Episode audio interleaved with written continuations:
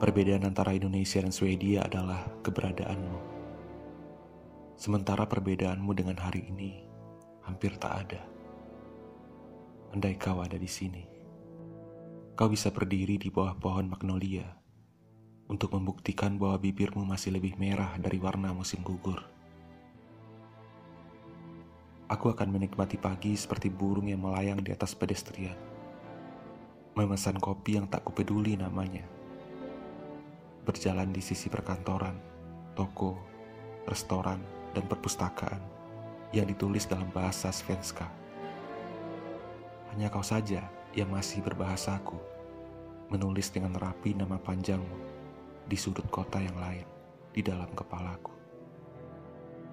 Aku akan seperti seorang anak kecil, menjinakkan kota ini bagai layang-layang di ujung langit terpencil. Keramaian kota ini membuatku semakin mencintai kesunyian.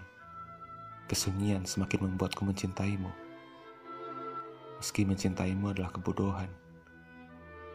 Meski kebodohan itu masih akan ada di atas jembatan, di kafe-kafe sederhana dengan iringan musik klasik yang mengusik jari-jari seniman.